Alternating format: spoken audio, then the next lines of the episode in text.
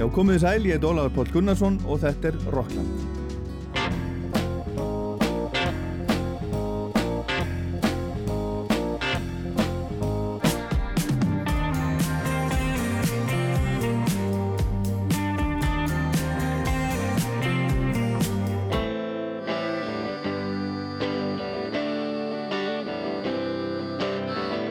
Í Rocklandi í dag förum við í setni hlutanum á útástónleika í franska ríkisútarpinu með ennsku tónlistakoninni Arlo Parks sem var fyrir skemstu valin nýliði ásins á bresku tónlistavellunum og hún er bókuð á Æsland Ervefs núna í haust.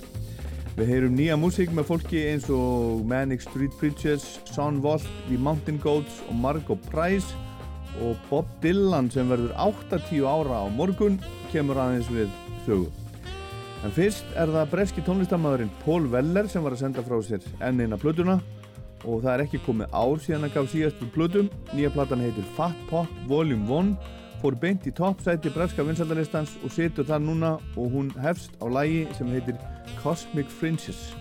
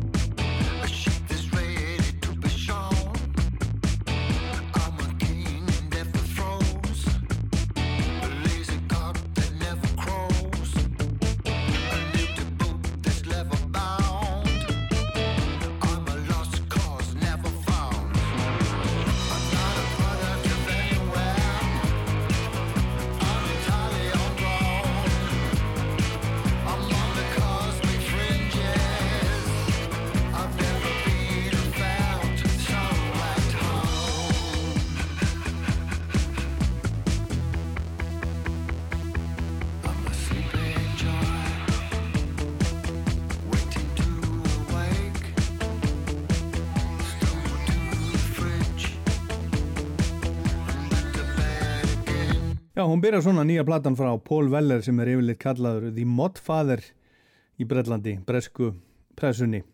Weller er töffari, hann er 62 ára gamall, fyrrum leiðtói í hljómsveitina The, The Jam og Style Council og í tónlist og tísku einhvers konar uh, tenging milli 60s Mozarana og Oasis, The Modfather, Sí Svalur og, og brettar sér í lagi Elska Weller. Nýja platan hans fór beint á toppin á breska vinsættalistanum þegar hún kom út núna fyrir viku og hún er áttunda platan hans sem hann er toppsæti breska vinsættalistans en soloplötundar hans eru orðnar 16, Fat Pop er 16. soloplatan hans. Svo fyrsta sem heitir bara Paul Weller kom út 1992 en hann hefur í það heila komið 22 plötum inn á topp 10 í Brellandi en þá er allt talið með líka plötur Jam og Style Council. Hann er númer víða um heim, uh, svolítið númer í, í, í Evrópu en stærstur er hann heima í Breitlandi. Hann er eitthvað svo ultra breskur og, og brettar um, dýrka sinn veler. Það er alls konar músík á, á Fat Pop og við heyrum næst svona svolítið klassískan veler, lag sem heitir Shades of Blue. Tipping of scales and the balance of time preceded. Clocks and silent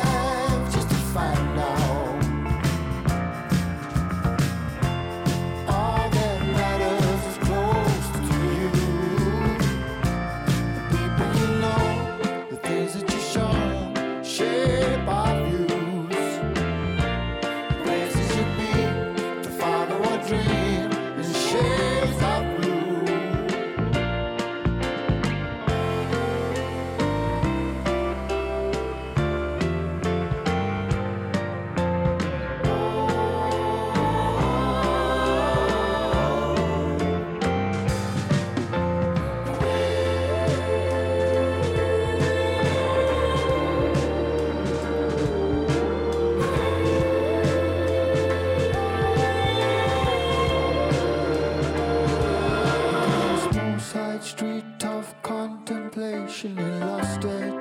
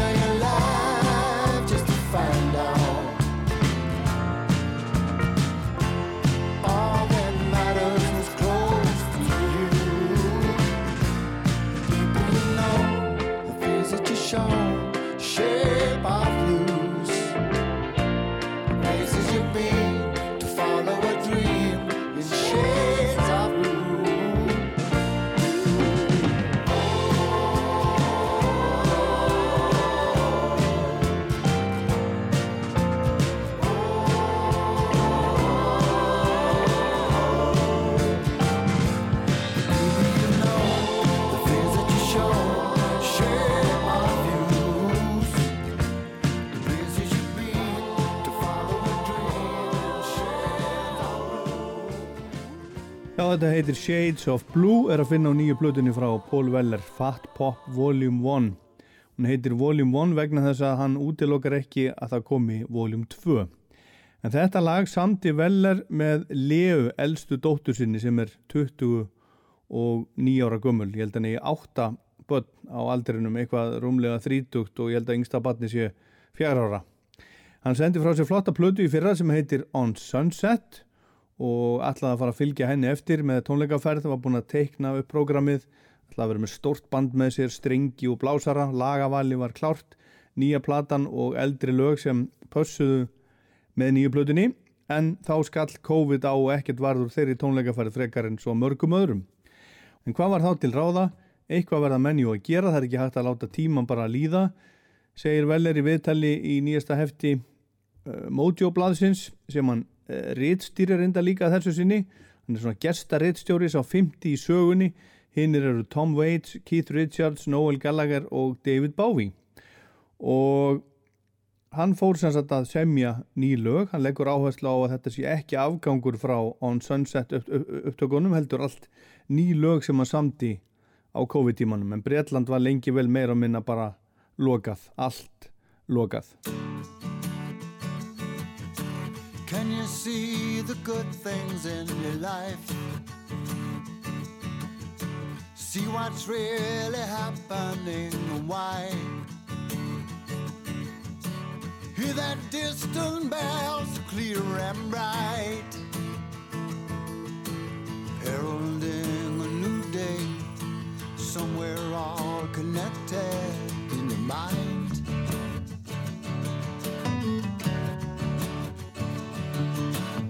you jump for joy and clapping time. Not a trace of goodness you could find. Is there not a moment you could sight? It takes you through.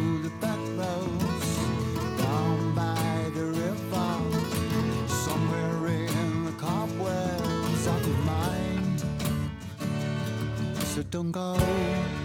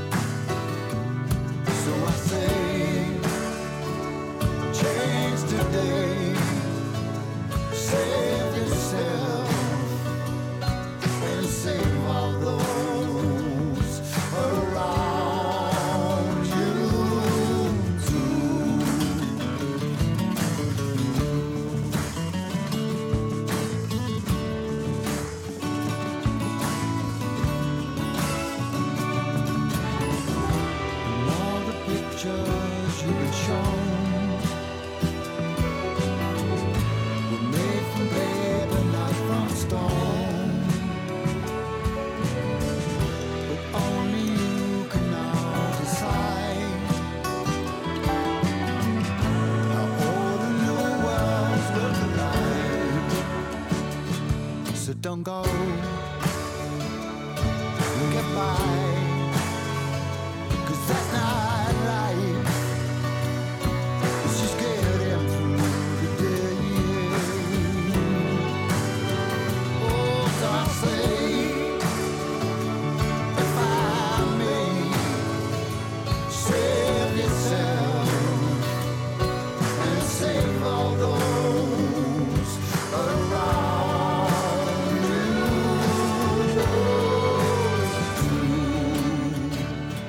Þetta lag á nýju Paul Weller flutunni heitir Cobwebs Skástrík Connections og þannig er Weller að hvetja fólk til að lifa lífinu. Lifa lífinu, ekki bara komast af. En hann er eins og ég sagði 62 ára gammal, verður 63 ára núna á þriðudaginn 20. og 5. mæ og segir í viðtælinu við Mojo að hann sjá ekki fyrir sér að byrja túra fyrir ná næst ári, þá verður hann 64 ára og finnst skrítið til þess að hugsa það sé allt í nú að verða bara 64 ára gammal. Hann segist þurfa að fara að hugsa dálítið um aðdráttarafl jarðar og hann eh, gerir sér grein fyrir því að hann eigi ekki ótakmarkaðan tíma eftir. Hann gæti haglega verið dauður innan tíu ára og hann segist hafa verið að ræða þetta hlægjandi við vinsinn og jafnaldra um daginn. En svona er staðan, þetta er ekki endalust og Veller er duglegur, hann vil koma hlutunum í verk og er búin að gefa út 16 sólarplötur á 19 árum og þar af 5 plötur á undanföllnum 6 árum. Og Veller segir að öll lögin á nýju plötunni gætu verið gefin út sem, sem smáskífur, þetta, eru, þetta séu 12 pop slagarar á plötunni og við skulum heyra næst lag sem heitir Moving Canvas og hann samti þetta til uh, Iggy Pop, þetta er svona honum til heiðus.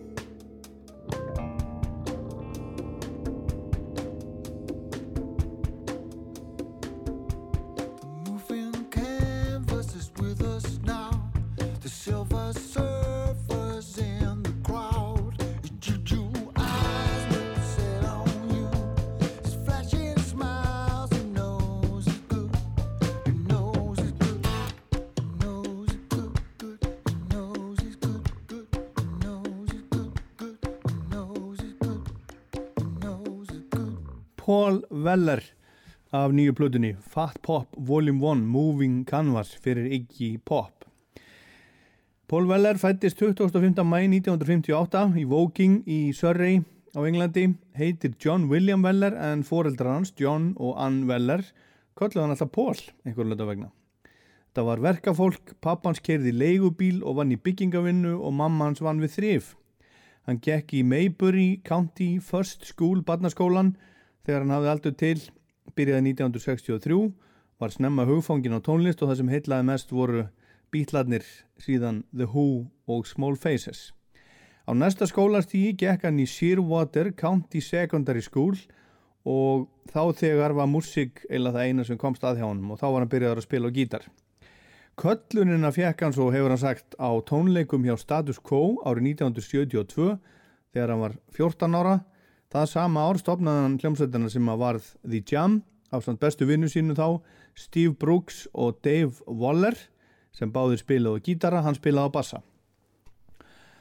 Pappans tók að sér umbóðsmennsku og fór að bóka strákana á pöppa og staði það sem bóði var upp á tónlisti í hverfinu þeirra og nálaðum stöðum og þá var Rick Butler byrjaður að spila með þeim á trommur og skömmu síðar kom Bruce Foxton inn í bandi sem gítarleikari í stað Dave Waller sem að hætti. Þeir þóttu ágættir spiluðu lög eftir bítlana í bland við sín eigin sem að þeir Weller og Steve Brooks sömdu saman.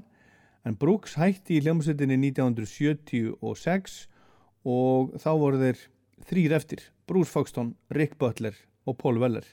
The Jam eins og við þekkjum hljómsveitina. Og Weller og Foxton skiptust á hljóðfarum Foxton tók bassan og Weller gítarinn The Jam varð ótrúlega vinsa hljómsveit var eitt aðal númerið í Breitlandi á, á punktímanum og var svona svolítið í punkjæðrinum voru samt meira mods en punk en Klass bauð Jam til dæmis að koma með í White Riot túrin sem upphittun og númer árið 1977 þeir voru svona í kringum kringum punkið. Við skulum heyra eitt gamalt og gott frábært titilag fyrstu plötunar með Jam sem kom út 1977 í mæ In the City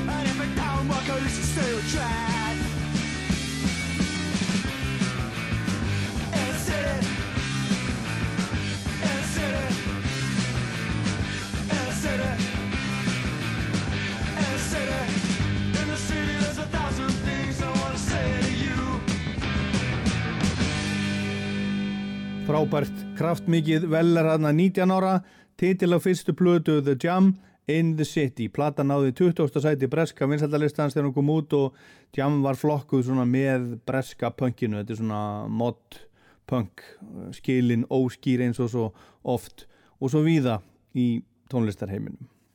Jam sem var kraftmikið rock trio gaf út sex stóra plötur frá 1977 til 82 sem seldust flestar nokkuð vel. Síðasta platan þeirra fór til dæmis alla leið á toppin í Brellandi og breska vinsaldalistanum en þá fannst Paul Weller vera nóg komið af rocki í byli. Hann vildi ekki vera, vera fastur lengur í þessara hljómsveit og lagaði hana niður. Það kom mörgum á óvart vegna þess að, að Jam var ótrúlega vinsal hljómsveit. Það hefði verið einfalt mál bara að halda áfram en hann vildi hætta og snúa sér að annars konar músík, meira poppi og, og soulmúsík og hljómsveitin duettinn The Style Council var til. Fyrsta plata Style Council, Café Bleu, kom út 1984, náði öðru sæti breska listans og við skulum heyra lag af henni. Þetta er talsvert öðruvísi en Jam.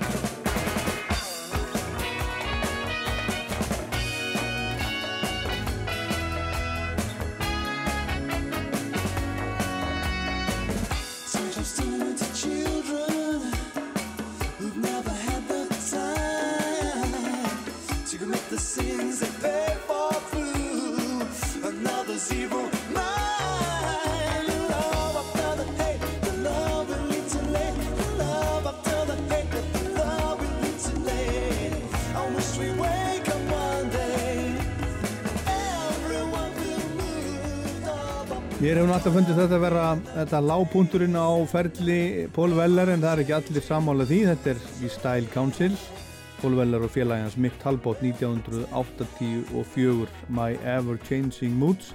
Af plötunni Café Bleu sem náði öðru sæti breska vinsaldalistans eins og þriðja platan The Cost of Loving en önnur platan Our Favorite Shop fór alla leið á toppin á breska vinsaldalistanum og fjórða og síðasta platan þeirra Confessions of a Pop Group sem kom út 1988 náði hæst í 15. sæti.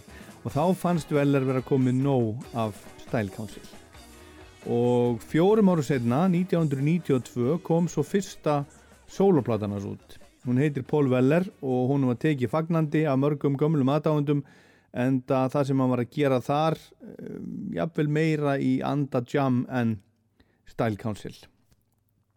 En nýja platan hans er svo 16. í rauðinni eins og áðursæði á soloplötunum og við skulum heyra lagafinu næst sem heitir That Pleasure. Og þar er okkar maður að hvetja foreldra heimsins til að kenna börnunum sínum umburðalindi og kærleika gagvart umhverfinu og náunganum nær og fjær. Og þarna er með honum Lía Metcalf, ung söngkona skemmtilegra hljómsveitar frá Liverpool sem heitir The Mysteries og það sem kveikti neistan að þessu lagi var Black Lives Matter hreyfingin.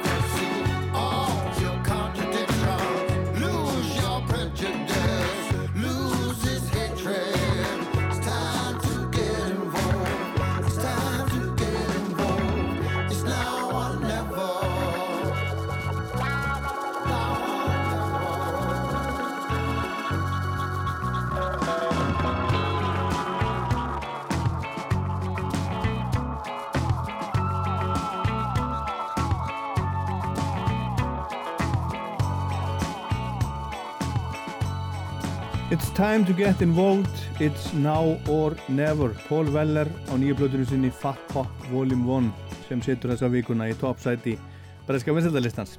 Fínasta plata, ekki kannski hans besta, en fínasta plata sem er með 8-10 í engun hjá Metacritic sem að þykir gott.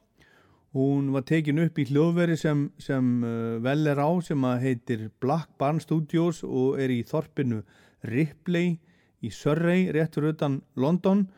Þar er rólegt og þar er hægt að gista þegar verið er að taka upp og vinna en annars býr Veller í London, miðborg London og vil vera það sem fjöruð þeir segir hann. Hann er löngu hættur að drekka, hefur ekki drukkið í áratug, gerði svolítið mikið að því hérna áður fyrr og segist halda sig frá áfengi og allri óhóllustu með hjálp æðri máttar sem hann segir að sé ekki endilega Guð almáttur en einhvers konar æðri máttur. En hann er enn að reykja reyndar, búin að reykja í 45 ár og segist vissum að það felli sig á endanum.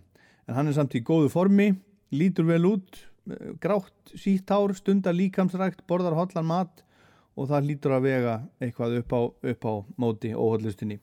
Og hann segir í, í viðtalinu í nýjasta mótjóblaðinu að John Lennon hafi haft rétt fyrir sér þegar hann sagði All you need is love, ástin er allt sem þarf, hún er mikilvægust af öllu, Með ástinni kemur jákvæðnin, þegar maður er ástfanginu, til dæmis alltaf eitthvað til að laka til og maður getur elska svo margt, til dæmis vinnuna sína eða verkefnin, fólki í kringum sig. Við skulum heyra eitt lag til viðbótar af þessari nýju plötu frá Veller, næst síðasta lagplötunar það heitir In Better Times.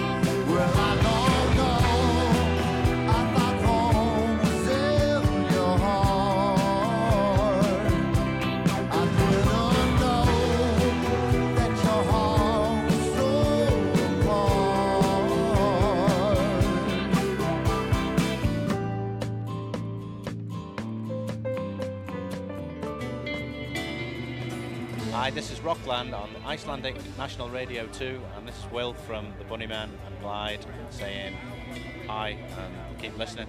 Ciao.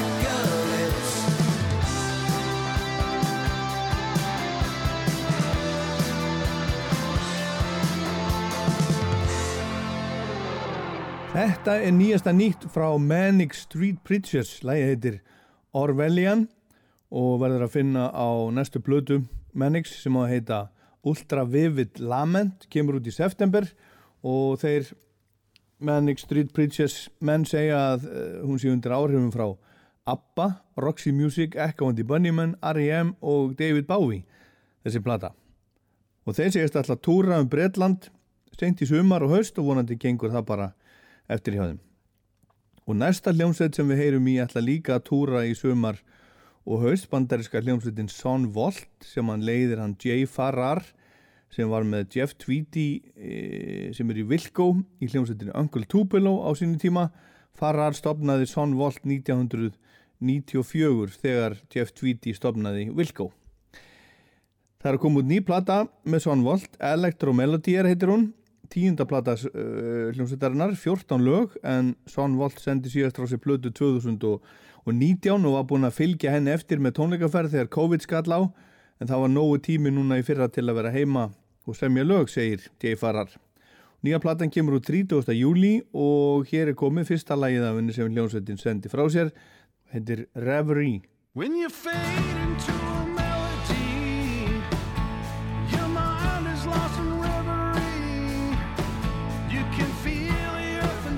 sky.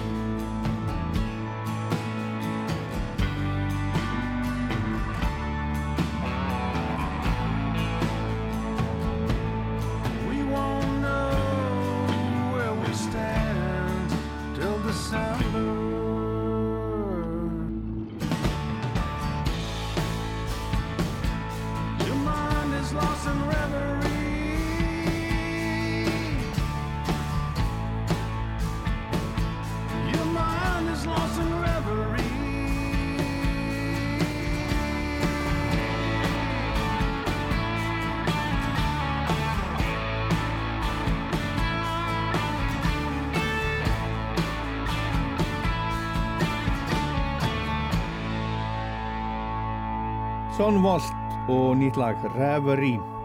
Næsta lag kemur frá annari bandarinskri sveit sem er búin að vera starfandi líka síðan 1994 heitir The Mountain Goats og hún snýst meira að minna í kringum einn ánga sem heitir John Darnielle hann hefur stundu komið fram einn undir þessu, þessu nafni The, The Mountain Goats og svo sapna mönnum í kringu sig. Hljómsveitin er uppálega frá Claremont í Kaliforníu en í dag gerir hún út frá Durham í Norður Karolínu og 20. plata Mountain Goats er að koma út þriðja platan þeirra á einu ári hún heitir Dark in Here og þetta lag er þaðan í Slow Parts on Death Metal Albums jumping out of my skin. This tiny sector can't contain me.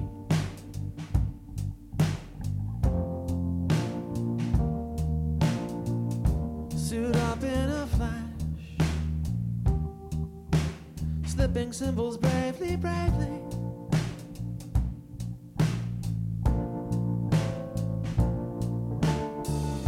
Go where I'm not wanted.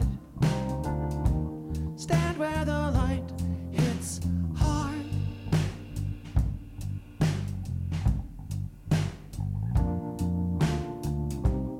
Almost full grown. Drive home alone and listen to the slow parts.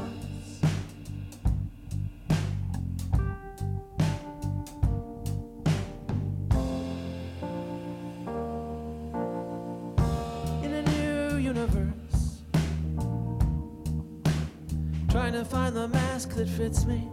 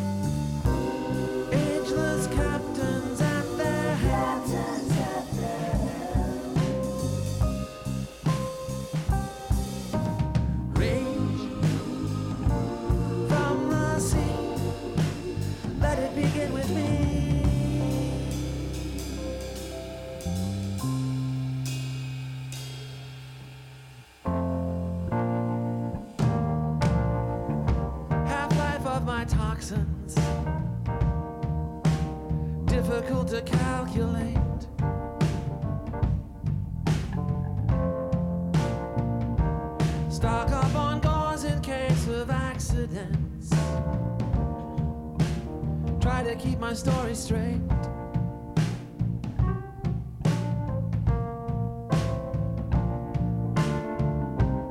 Dozens like me, never quite free, filling out our dance cards.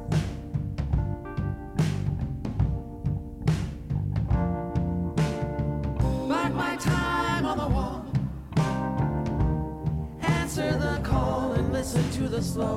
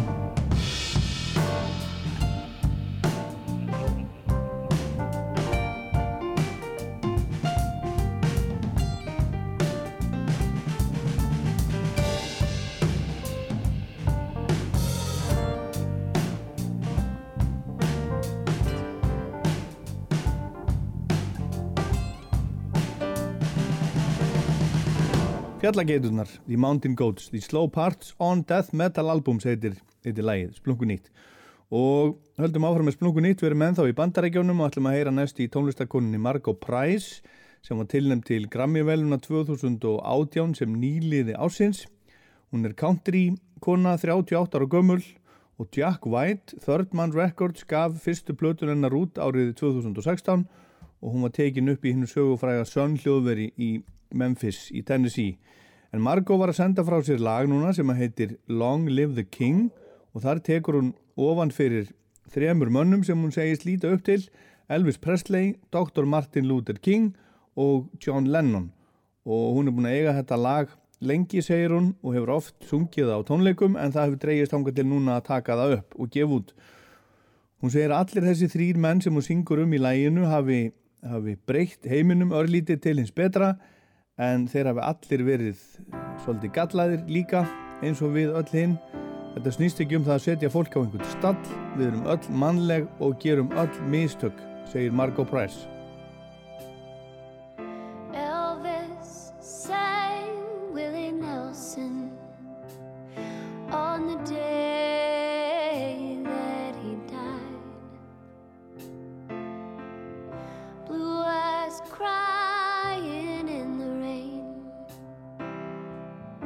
With a pain inside. He took his pills and he went to bed. Heart attacks, what the paper said. But what I'd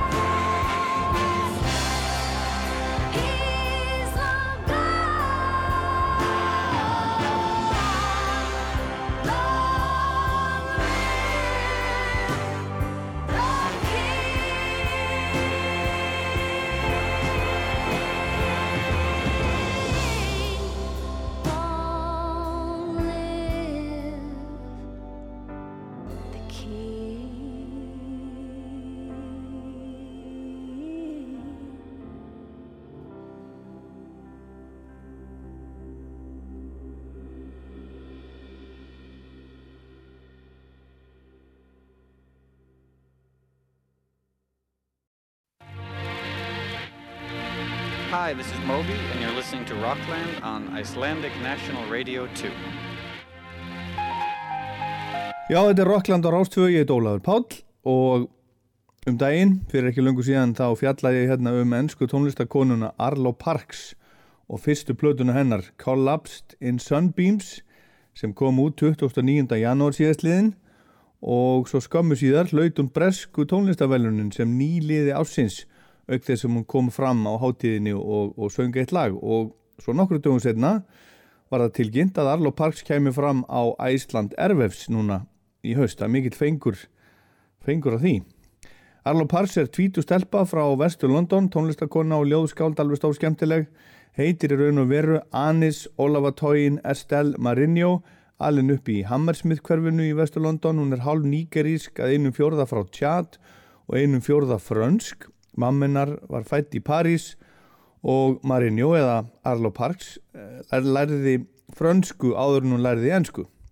Og núna í logmars skrapp hún til Parísar í franska ríkisútarpið og spilaði lítinn koncert með hljómsveitinni sinni fyrir tæknifólk Radio France í stúdíó 104 Radio France Broadcasting House í París. Og ég kom með þetta, við ætlum að hlusta. Rástvöðu fekk þessa upptöku í gegnum EBU og hún var með sagt, band með sér. Flott band, Louis Delorme heitir hans á sem spilar á trommur. Elís Blankard spilar á bassa. Daniel Diodato á ramaskítar og Adrian Edeline líka á ramaskítar og Adrian Soleiman á hljómborð og saxofón. Og hér er hún hjá franska ríkisútarpinu núna í mars Arlo Parks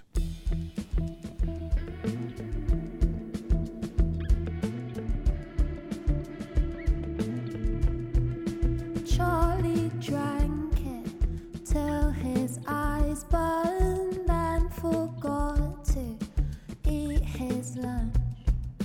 Pain was built in to his body, heart so soft it had to beat. Oh, wouldn't it be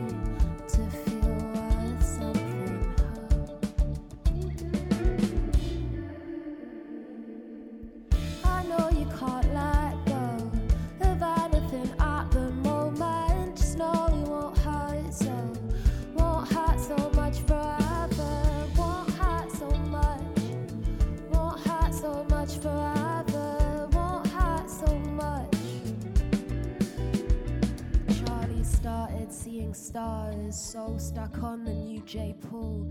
Said my clothes are sticking to me, and I can't quite see my walls. Started dreaming of a house with red carnations by the windows, where he didn't feel so small, so overwhelmed by all his flaws. I know you can't let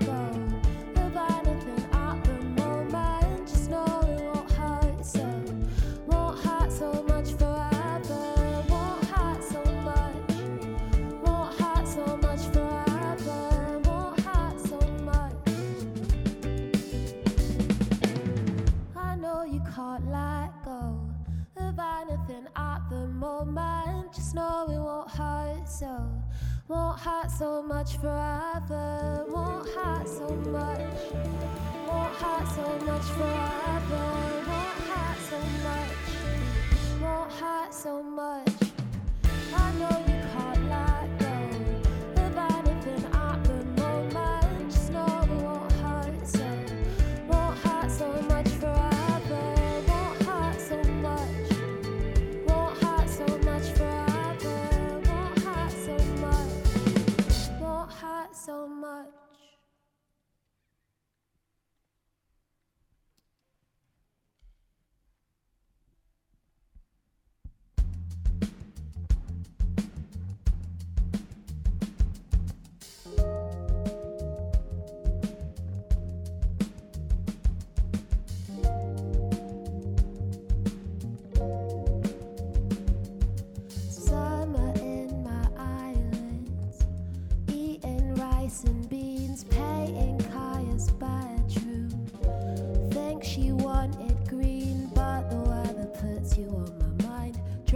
fruit and peaches in the wine, kissing circles underneath your eyes.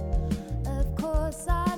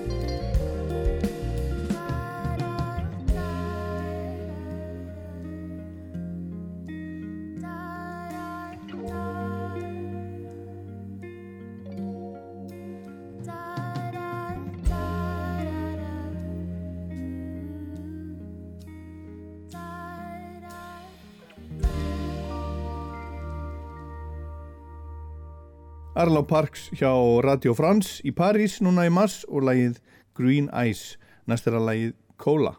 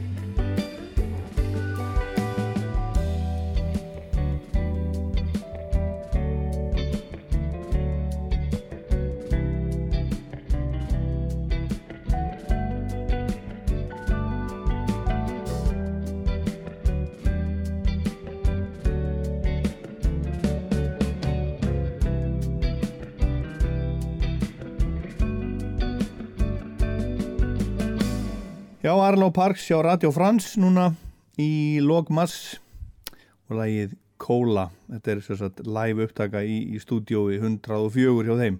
Hún tók upp nafnið Arlo Parks í anda King Krul og Frank Ocean segir hún. Arlo Parks er listamanns nafnið hennar og 2018 byrjaði hún að senda lög til BBC þeir eru með svona kanal alveg eins og við hérna á Rástöðu það geta allir sendt okkur lag eh, finni það á, á rú.ri síðunni undir, undir Rástvö en einn af útvarsmönnunum hjá BBC Jess Issat, hann sendi eitthvað af þessum lögum til kunningja sín sem að skömmu síðar bauðst til þess að verða umbóðsmaðurinnar og það var fyrirtæki hans Beatnik Creative sem að gaf út fyrstu smáskjúna lagi Kóla sem hún var að eh, enda við að flytja hérna. Þetta var í november 2018 og árið síðar var lagi komið með þrjár miljónir spilana á Spotify. Það er með meira en 18 miljónir spilana í dag. Og lagi Kóla kom Arlo Parks á samning hjá plötufyrirtæki sem heitir Transgressive Records og í janúar 2019 kom út titilag fyrstu EP-plötunar Super Sad Generation.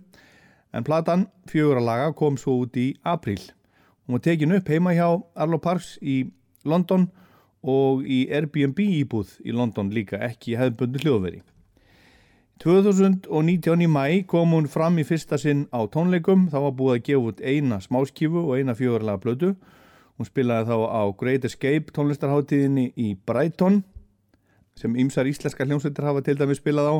Og í framhaldinu spilaði hún á BBC Music Introducing sviðinu á Glastonbury háttíðinni í Englandi og á fleiri háttíðum og fór síðan í sína fyrstu tónleikaferðum Breitland um hausti 2019 og gaf síðan út aðra EP-plötu fimm laga sem að heiti Sophie og þar syngur hún uh, meðal annars um hjartasár og dauðan. Hún laði svo upp í fyrsta túrin um Evrópu í februar í fyrra en gati ekki kláraðan vegna COVID og í mæ sendum frá sér tvö lög af vantanleiri plötu, Eugene og Black Dog þar sem hún syngur um þunglindi. Lægið uh, var valið smáskífa vikunar hjá, hjá BBC í, í mæ og sent í júli var Arlo Pars á fossiðunni á New Musical Express. Og í ágúst hlaut hún tónlistavellun AIM, AIM Independent eh, Music Awards hlaut velun sem að heita Want to Watch eða fylgist með þessari. Og í kjölfari var hún á, á fossiðu Music Week. Hennar stjarnar er búin að fara mjög hratt upp á við Og svo kom fyrsta stóra platanlóksis núna í januar á þessu ári, Collapsed in Sunbeams og hún fór hæst í þriðja sæti breska vinsaldalistans. 12. februar komum fram í sjónvastætti Grahams Norton og sögndalagi Caroline sem fjallar um átök milli elskenda eða mistikusti fyrrum elskenda í stórborginni Longdon á, á Oxford Street reyðlega en við skulum heyra meira frá útastónleikonum hennar í París núna í Logmas og hér er einmitt lægið Caroline.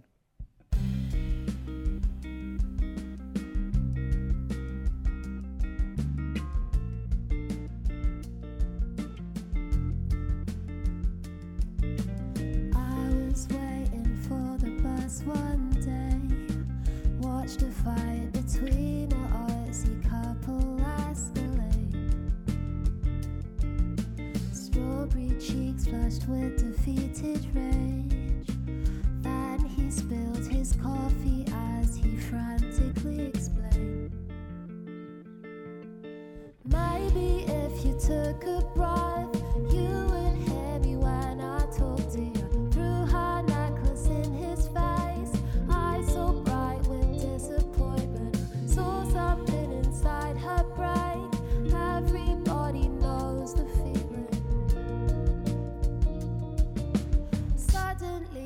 started screaming.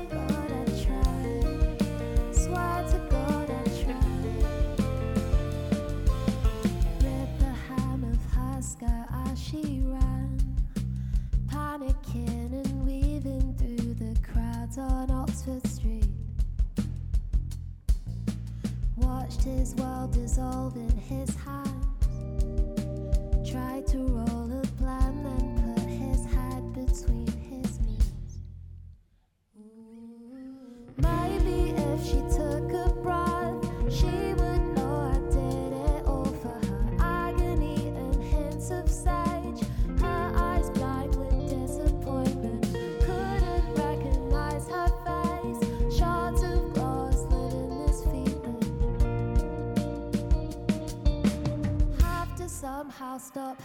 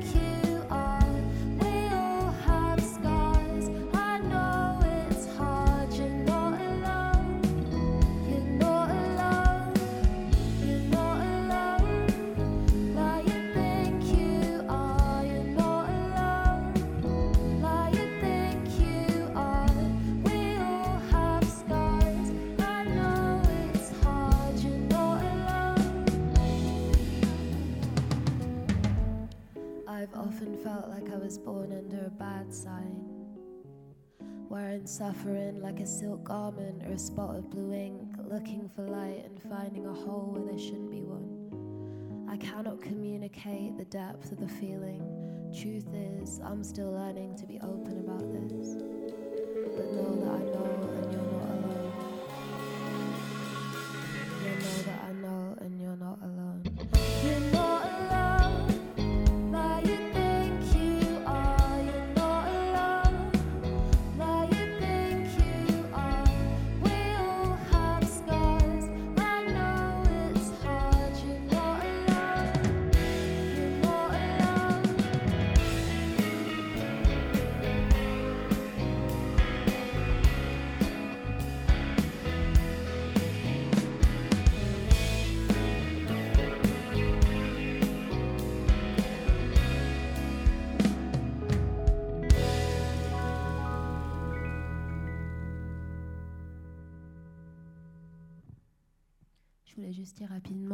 Euh, merci beaucoup à France Inter de nous avoir accueillis. Ça fait vraiment du bien de pouvoir jouer quelques chansons pour vous. Alors merci.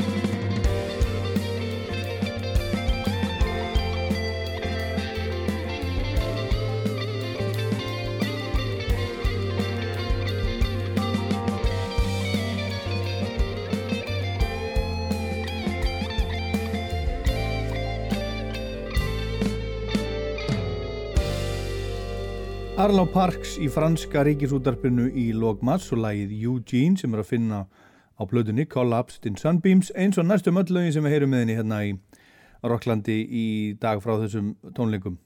Núna í, februar var Arlo aðalnúmerið í þætti Jules Holland á BBC í þættunum Later with Jules Holland og hún er búin að koma fram í fjölda annara sjónvars og útastáta og líka í Ameríku.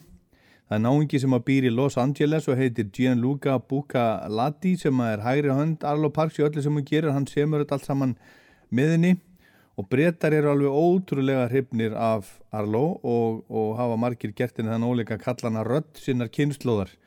Hún er tvítug og það er ekki allir sem að standa undir því hreinlega, hún er fyrst og fremst ung kona að gera músík í hörðum heimi og var algjörlega óþekkt fyrir tveimur árum. En þetta er flott plata í háinni Hún er flott sönguna með fallega rödd, lögin eru skemmtileg, áhugaverð og áhrifin koma hérna og þaðan og hún er, hún er góður textahöfundur og vonandi losnar hún örglega, hratt og örglega við hennan að rödd kynnslóðar, það er engum holdt að bera hann. En við skulum heyra meira frá þessum útástónleikum Arlo Parks í Radio France núna í mass. Næst heyrum við lag sem heitir Black Dog.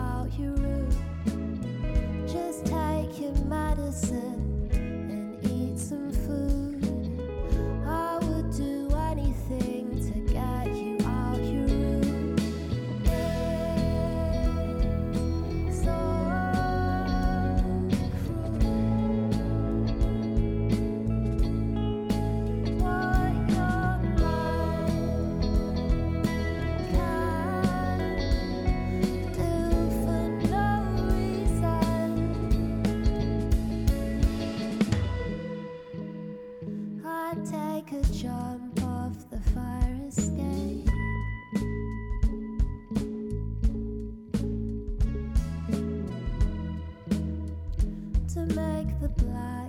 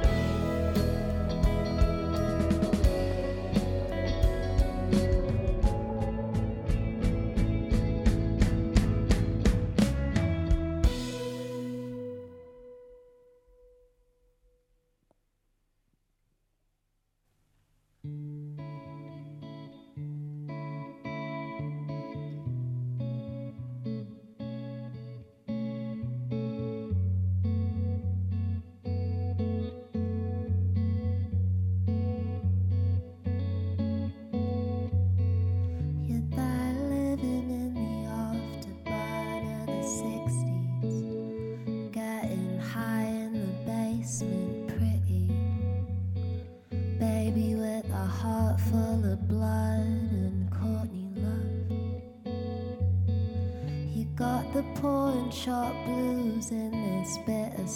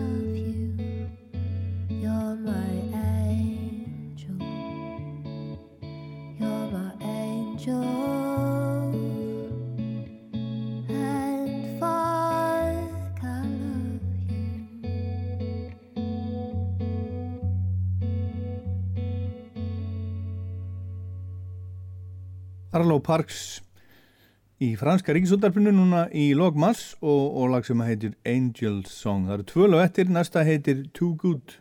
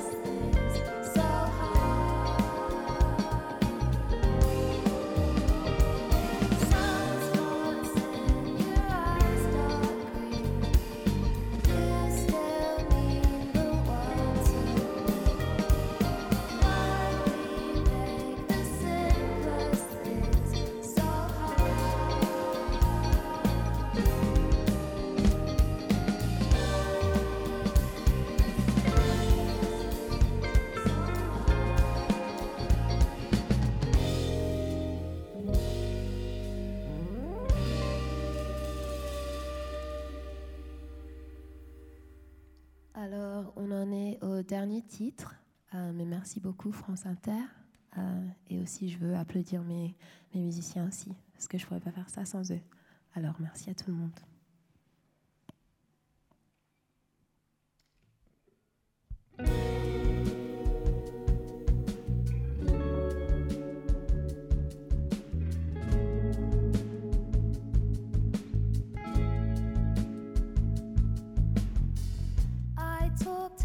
Girls that sing about asphyxiation until their beard goes flat.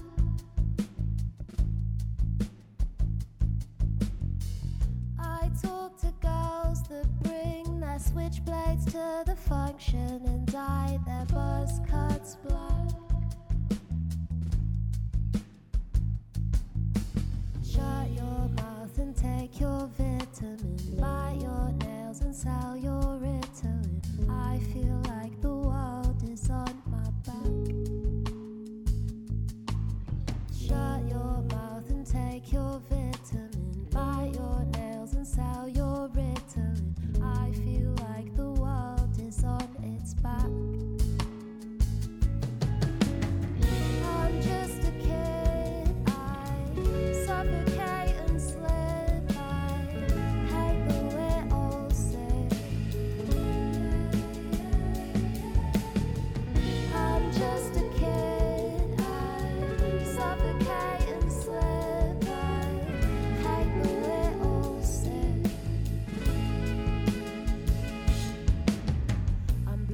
Bubbles in the faces of thugs. I'm smoking licorice tobacco for lunch. Yeah, I'm still denying that I'm anxious as fuck and I'm lacking in trust. And I think my art sucks. I look inside my head with disgust. I would say it to my mates, but they're probably drunk. So I listen to funk. I bend to the punch, then pretend that I'm fine when. Shut your mouth and take your vitamin. Bite your nails and sell your Ritalin. I feel like the world is on my back. Shut your mouth and take your vitamin. Bite your nails and sell your Ritalin. I feel like the world is on its back. I'm just a kid suffocate and slay.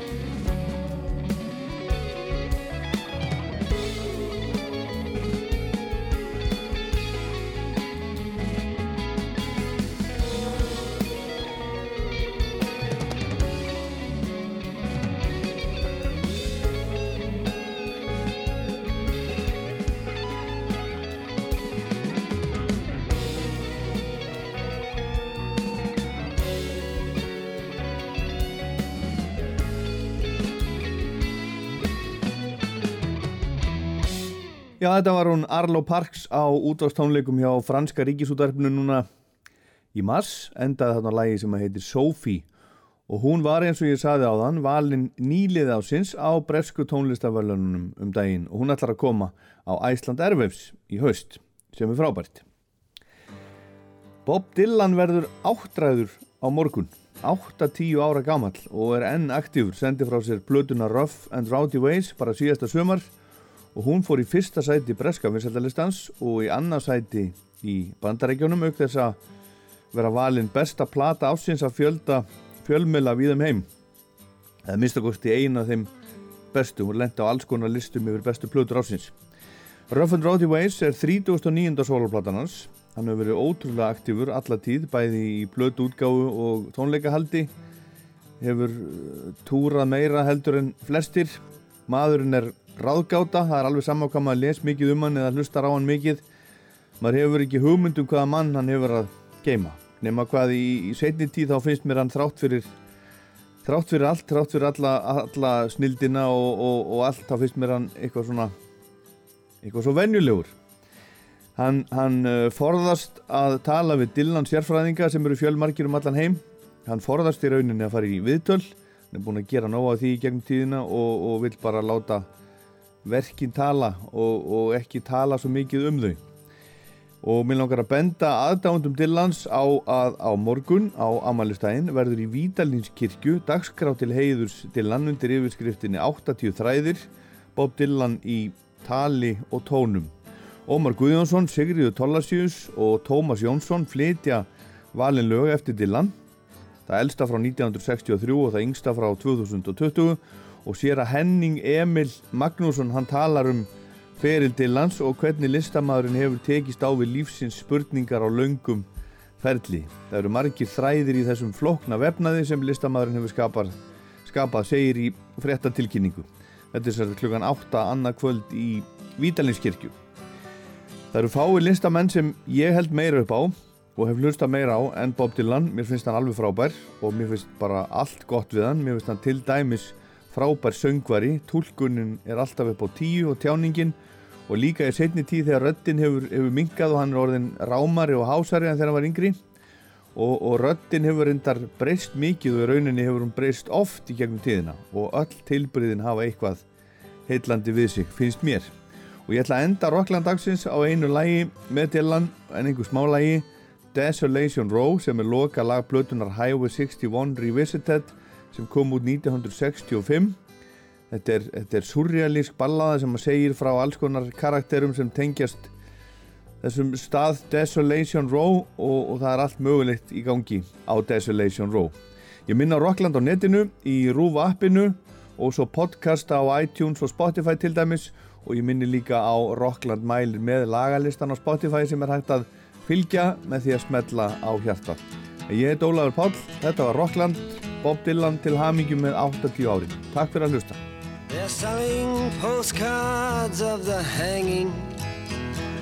They're painting the passports brown. The beauty parlor is filled with sailors. The circus is in town.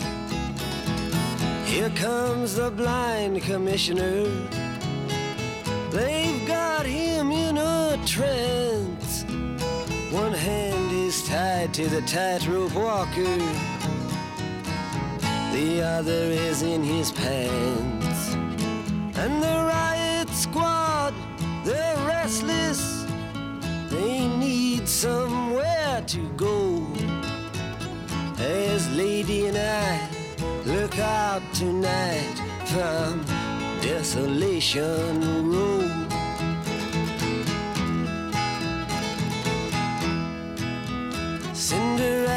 Cinderella, she seems so easy. It takes one to know one, she smiles and puts her hands in her back pocket. Betty Davis style. And in comes Romeo, he's moaning. You belong to me, I believe. Someone says you're in the wrong place, my friend. You'd better leave.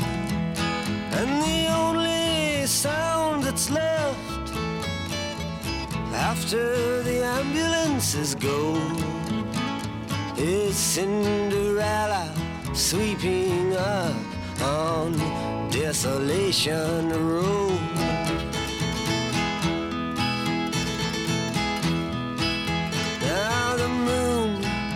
Is almost hidden. The stars are beginning to hide. The fortune telling lady has even taken all her things inside. All except for Cain and Abel and the hunchback of Notre Dame. Everybody is making love or else expecting rain. And the good Samaritan, he's dressing, he's getting ready for the show. He's going to the carnival tonight on Desolation Road.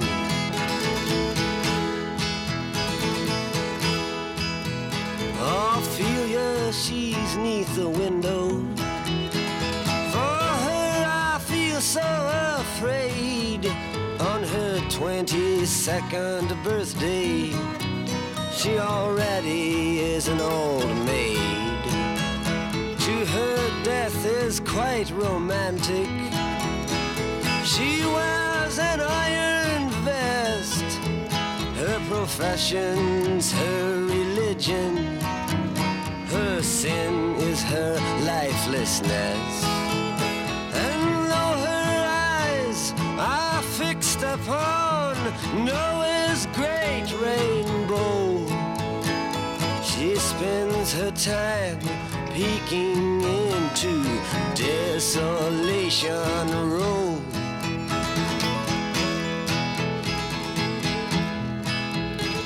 Einstein disguised as Robin Hood with his memories in a trunk. Passed this way an hour ago with his friend, a jealous monk. Now he looked so immaculately frightful as he bummed a cigarette. Then he went off sniffing drain pipes and reciting the alphabet. You would not think to look at him, but he was famous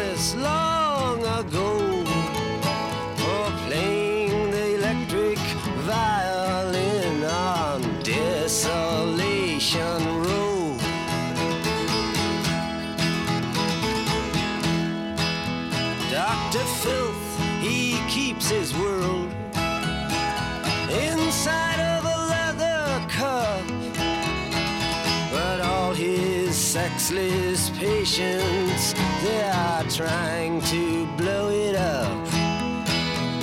Now his nurse, some local loser, she's in charge of the cyanide hole. And she also keeps the cards that read, Have mercy on his soul. They all play on the penny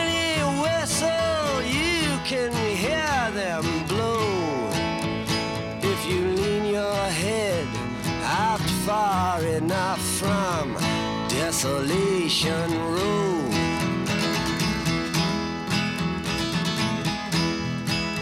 Across the street, they've nailed the curtains. They're getting ready for the feast. The phantom of the opera in a perfect image of a priest. Here are spoon feeding Casanova to get him to feel more assured. Then they'll kill him with self confidence after poisoning him with words. And the phantom shouting to skinny girls, Get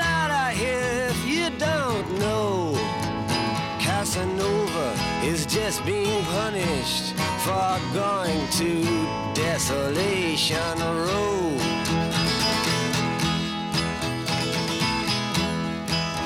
At midnight, all the agents and the superhuman crew come out and round up everyone that knows more than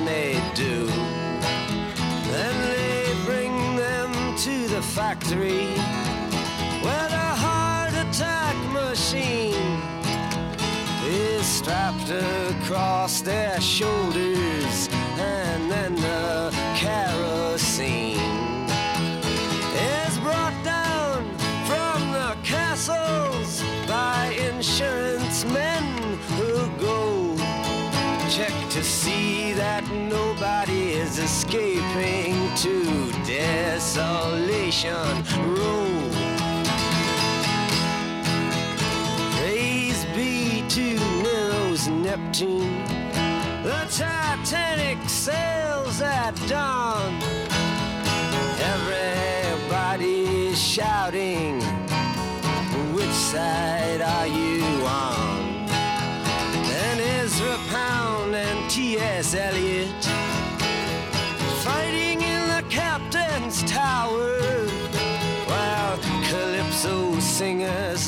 at them and fishermen hold flowers between the windows of the sea where lovely mermaids flow and nobody has to think too much about Desolation Road.